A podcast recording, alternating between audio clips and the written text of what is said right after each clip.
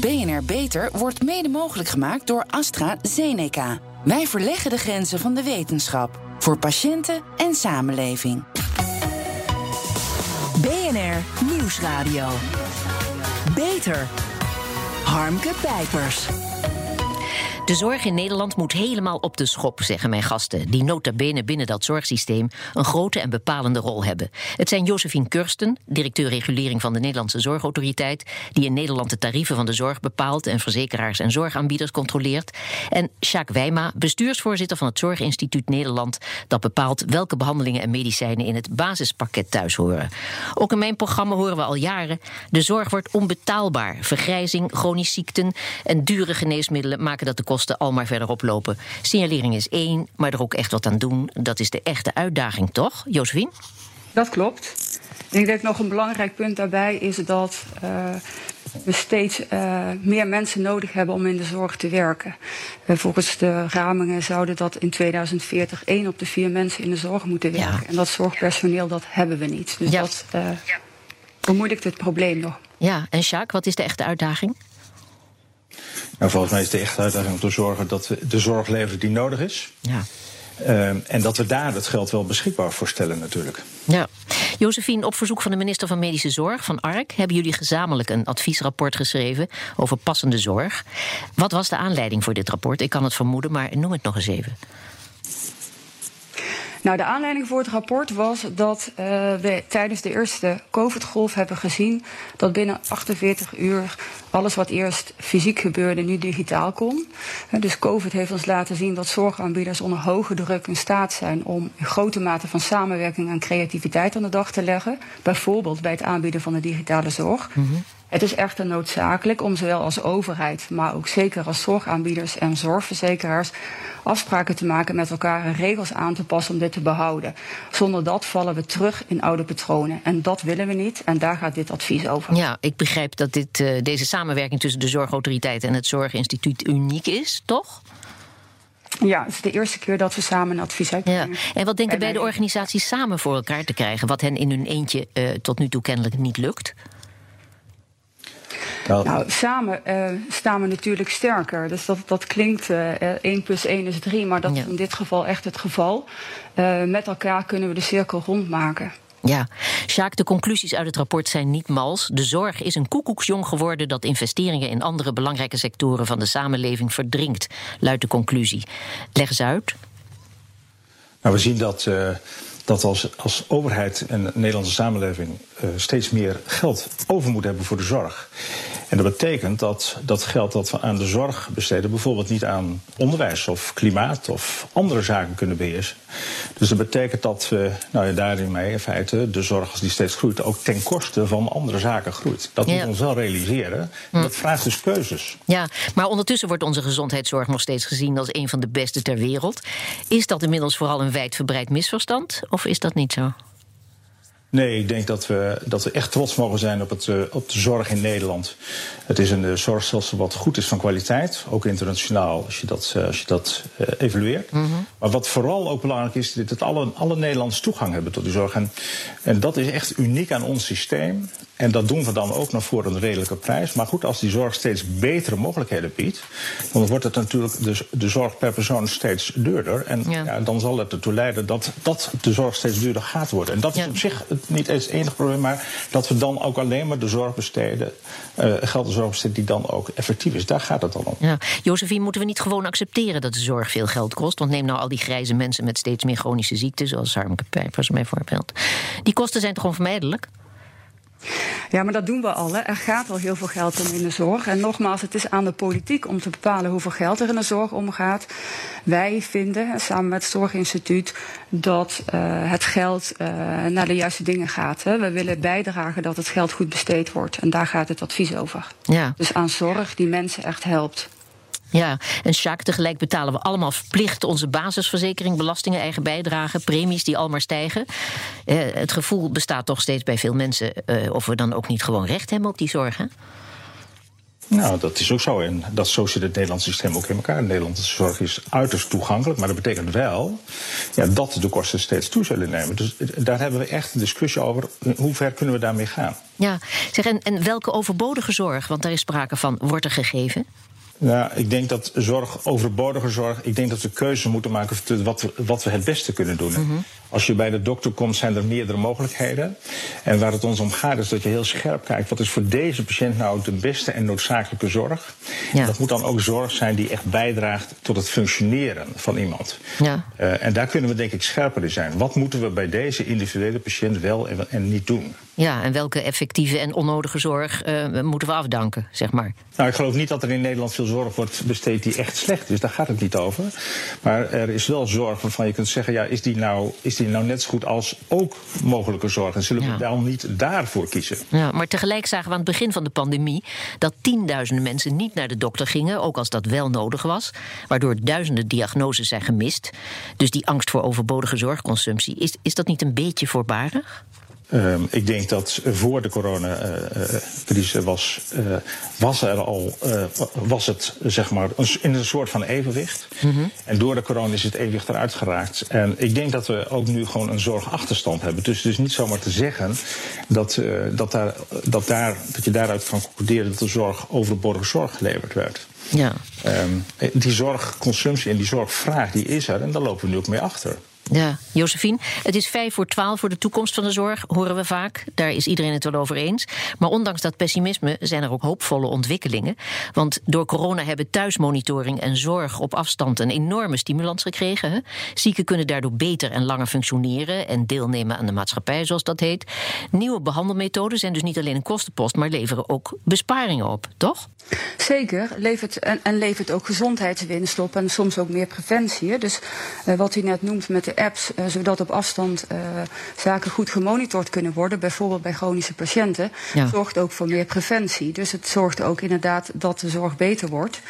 en wat wij willen is dat dat soort innovaties, vernieuwingen, waar we best wel goed in zijn in Nederland, dat iedereen daar toegang tot heeft. Hè? Dus dat, dat je gaat van innovatie naar transformatie.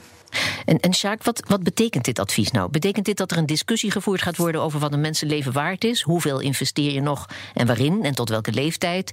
En wat beschouw je dan als overbodig doorhoud? Om die uitdrukking maar weer even op te voeren. Ja, nou, uh, uh, Josephine zei al dat de hoeveelheid geld die naar de zorg gaat, daar gaan we niet over. Uh, mm -hmm. Dit advies gaat erover dat het geld dat naar de zorg gaat goed besteed wordt. En dat we dan echt kijken naar effectieve zorg. En dat we de afweging laten maken, ook door professionals zelf en door patiënten. Ja. Wat is voor mij nu nog zinvolle zorg? En dat is soms gewoon ook niet alle zorg. Dat is, moet zorg zijn die echt bijdraagt tot, tot het betere functioneren. En we denken dat we daarom ook kunnen besparen dat we niet alle zorg die mogelijk is, is nodig. En daar moeten we scherpe keuzes in gaan maken. Ja, en Jacques, de patiënt moet zelf ook verantwoordelijkheid krijgen. En heeft de patiënt er ook behoefte aan?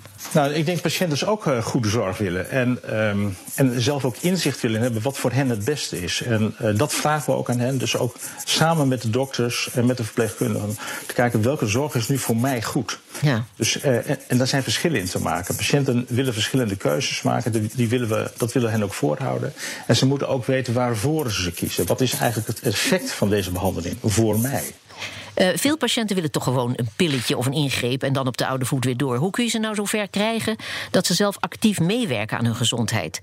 En maak je ze bewust van wat zorg kost, ook niet onbelangrijk. Sjaak. Ik denk dat je patiënten niet moet onderschatten. Als zij hm. goed weten of dat pilletje hen helpt of niet, hè, dan zullen ze denk ik ook de goede keuze maken. Dus we zullen daar veel meer tijd aan moeten besteden. Aan het maken van keuzes. En dan gaan patiënten denk ik daar ook gewoon in mee. Zeker ook als die professional, hè, die dokter die tegenover hen zit, hen daartoe motiveert. Want daar hebben ze groot vertrouwen in. Ja, ik maak dit programma nu al jaren en het is niet de eerste keer dat we het over de uit de klauwen lopende zorgkosten hebben. Veel mensen betrokken bij de zorg die roepen ook al jaren dat het efficiënter moet. En het roep ik al jaren enthousiast met ze mee. Zo was er in 2012 al een programma Zinnige Zorg bij het Zorginstituut, uh, inderdaad, van ene Sjaak Wijma, in opdracht van minister Edith Schippers van Volksgezondheid. Dat heeft nauwelijks tot verbeteringen geleid.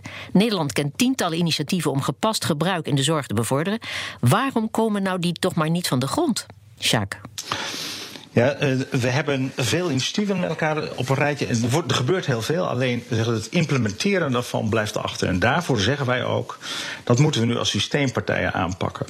Eerst kijken wat er aan de hand is. Soms is het zo dat verbeteringen, zorgverbeteringen, ook worden tegengewerkt door het systeem. Dat de prikkels, de financiering, ook de zorgverbetering in de weg staat. En dan kan je natuurlijk wel vragen van professionals om dat aan te passen. Dan gaat dat niet lukken. Dus het is enerzijds het gedrag van de professionals in de spreekkamer.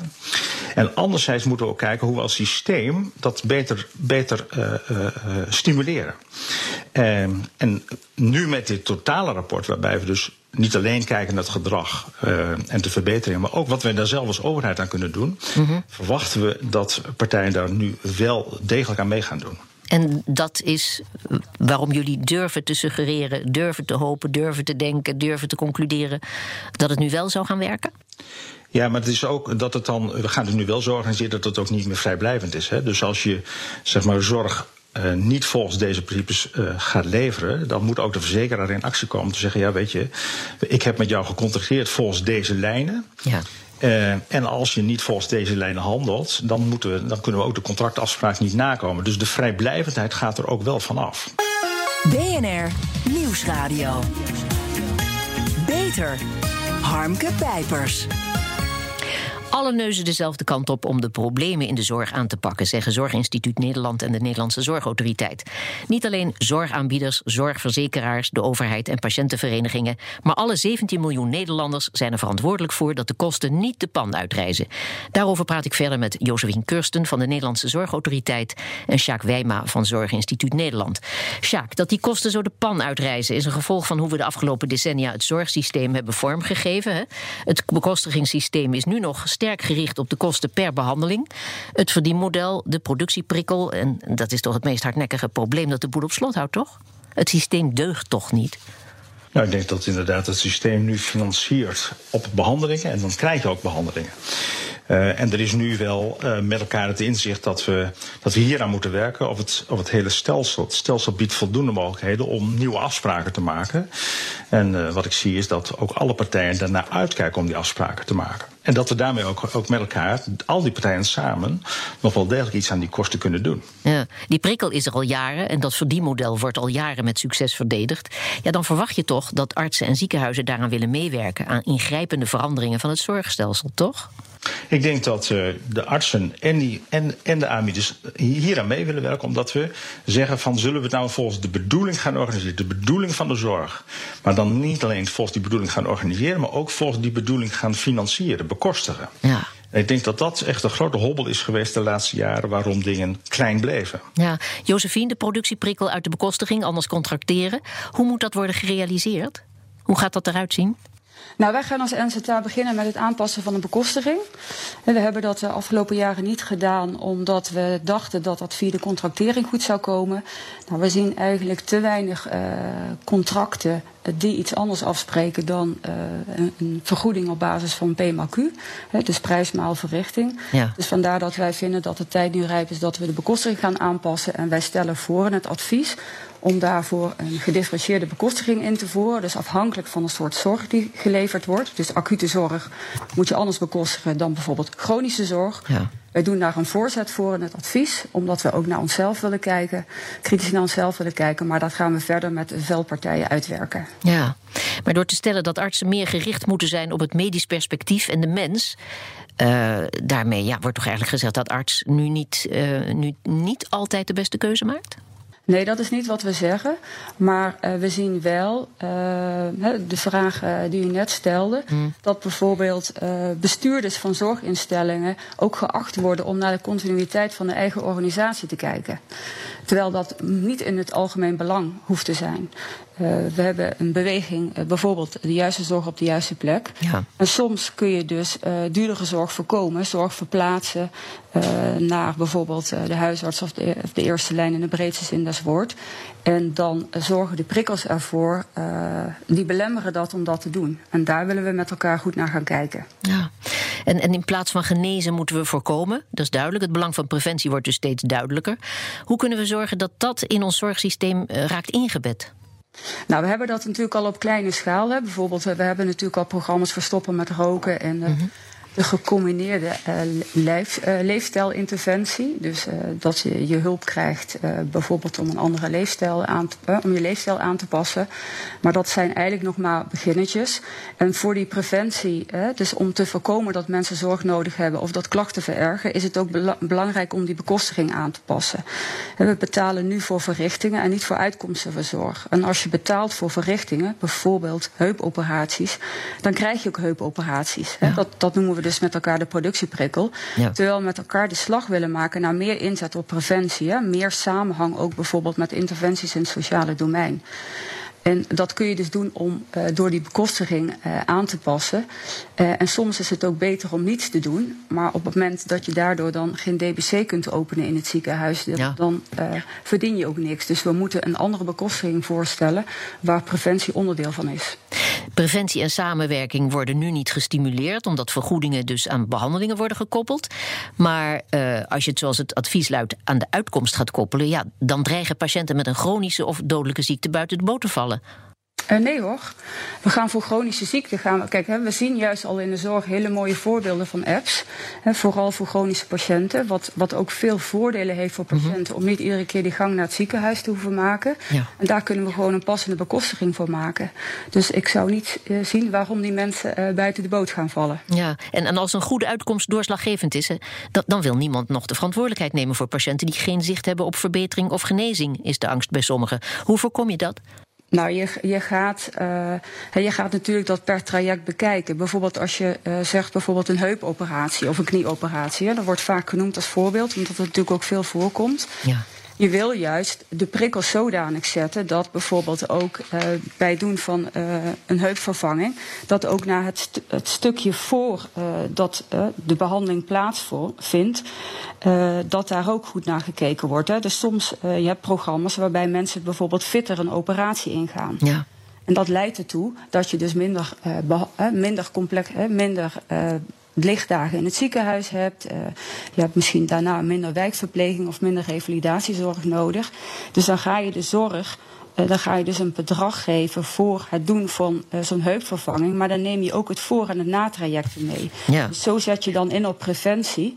En daarbij kijk je natuurlijk ook naar de uitkomsten van zorg. Het is natuurlijk niet de bedoeling dat de kwaliteit van zorg slechter gaat worden. Nee. Die moet op zijn minst uh, net zo goed als die nu is blijven. Ja, minder lichtdagen heb je dan, hè, als dat allemaal gebeurt. En wat dat betreft, weinig lichtdagen, minder lichtdagen... als we dat vergeleken met nog niet zo heel lang geleden... dan is er al waanzinnig veel afgevallen toch? Zeker. We hebben al minder lichtdagen in het ziekenhuis. Maar het kan bijvoorbeeld ook leiden tot minder complicaties tijdens de operatie. Ja.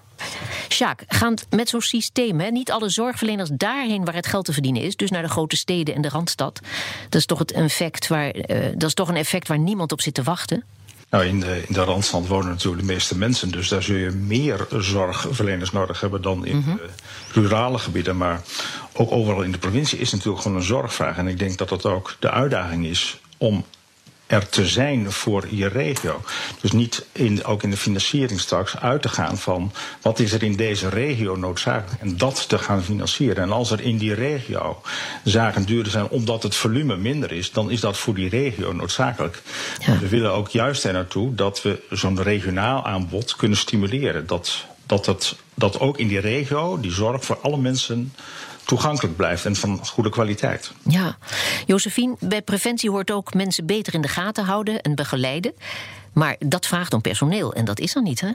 Nee, dat hoeft dus niet. Hè? Dus de apps die ik net noemde, daar zijn goede voorbeelden van. Bijvoorbeeld Luchtbrug, Hartwart, ik noem er een paar. Uh, die, die ken ik niet. Vertel even Luchtbrug en Hartwacht. Bijvoorbeeld Hartwacht is een app uh, waarbij uh, je thuis allerlei. je moet van alles meten thuis en dat voer je dan in het, in het systeem. En dat wordt dan bewaakt op afstand door ah, ja. de verpleegkundige. En op het moment dat er aanleiding is, hè, dat die verpleegkundige ziet dat er iets niet goed gaat, dan, ja, dan onderneemt zij actie. Uh, daarvan zie je dus dat dat veel preventiever is. Want normaliter ga je misschien uh, één keer per maand uh, naar het ziekenhuis toe. En dit is veel continuer. Dus je kunt daardoor veel beter in de gaten houden hoe het met iemand, iemands gezondheid is gesteld. En het hoeft dus niet meer personeel te kosten. Ja, Sjaak, tot slot, voorlopig moeten we het doen met inspiratie en discussie, hè, die door dit rapport gevoed wordt. Maar wanneer gaan we de resultaten van dit rapport zien? Er zijn er twee wegen. Ehm, er zijn een hele aantal organisaties die benaderen ons ook gewoon vandaag al. Ja. Uh, en daar kunnen we morgen uh, mee aan de gang om te kijken hoe we die gepaste zorg daar kunnen organiseren. En daarnaast is er een veel breder en langere weg om te kijken hoe we nou dat in Nederland in het groot neer kunnen zetten. Dus we, we richten ons op twee van die zaken: regionale eh, regionale aanbieders die dat al morgen willen gaan doen. En die bellen ons eigenlijk ook op. Dat is een fantastische beweging. En daarnaast willen we gaan kijken. Ik ben nieuwsgierig welke aanbieders dat zijn. En dat zal langer duren. We praten dwars door elkaar heen. Maar ik, ik ben zo nieuwsgierig naar welke aanbieders dat zijn. Of kan u dat niet zeggen? Nou, ik, ik, dat zijn eigenlijk het mooiste is dat zijn ziekenhuizen, maar dat zijn ook langdurige zorginstellingen. Uh, er zijn ook groepen van huisartsen, uh, verzekeraars. Dus er is heel breed uh, belangstelling voor dit rapport. En ik ben helemaal niet bang mm -hmm. dat dit rapport alleen maar tot een uitgebreide discussie gaat leiden. Er zijn heel veel partijen die morgen al aan het werk willen. Dus ja. Corona, corona speelt er natuurlijk ook een rol in. Hè? Heeft ons toch wel veel van inzicht doen veranderen, zeg maar. Dat heeft veel inzicht veranderd en dat heeft met name ook de nadruk gelegd op hoe kunnen we goed samenwerken. Ja. En, en dat is in dit rapport uh, cruciaal, dat we, uh, dat we alle partijen dezelfde, uh, de, de neus in dezelfde richting, richting laten wijzen. Ja. En dat ze erbij gestimuleerd worden. En dat is denk ik ontzettend belangrijk van dit rapport. Ja, Josephine, ook kort, net zo optimistisch als Jacques Wijma? Zeker. inderdaad optimistisch dat er nu echt iets gaat veranderen. Kennelijk hebben we toch een crisis nodig gehad om ons met de neus op de feiten te drukken. Ja. Dus er is ook echt een noodzaak om die zorg anders te gaan organiseren. En dat hebben we natuurlijk gezien.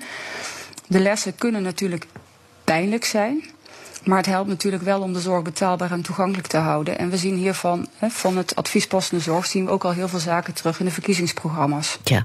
Hartelijk dank, Josephine Kursten en Sjaak Wijma. Tot zover deze uitzending van BNR Beter. Op bnr.nl/slash beter is deze uitzending terug te luisteren of on demand via de BNR-app en Spotify. We zijn ook op Twitter te vinden onder BNR Beter, dus heeft u tips voor ons? Laat het ons weten. Ik ben Harmke Pijpers. Ik blijf nog even binnen. Graag tot een volgend spreekuur. BNR Beter wordt mede mogelijk gemaakt door AstraZeneca. Wij verleggen de grenzen van de wetenschap voor patiënten en samenleving.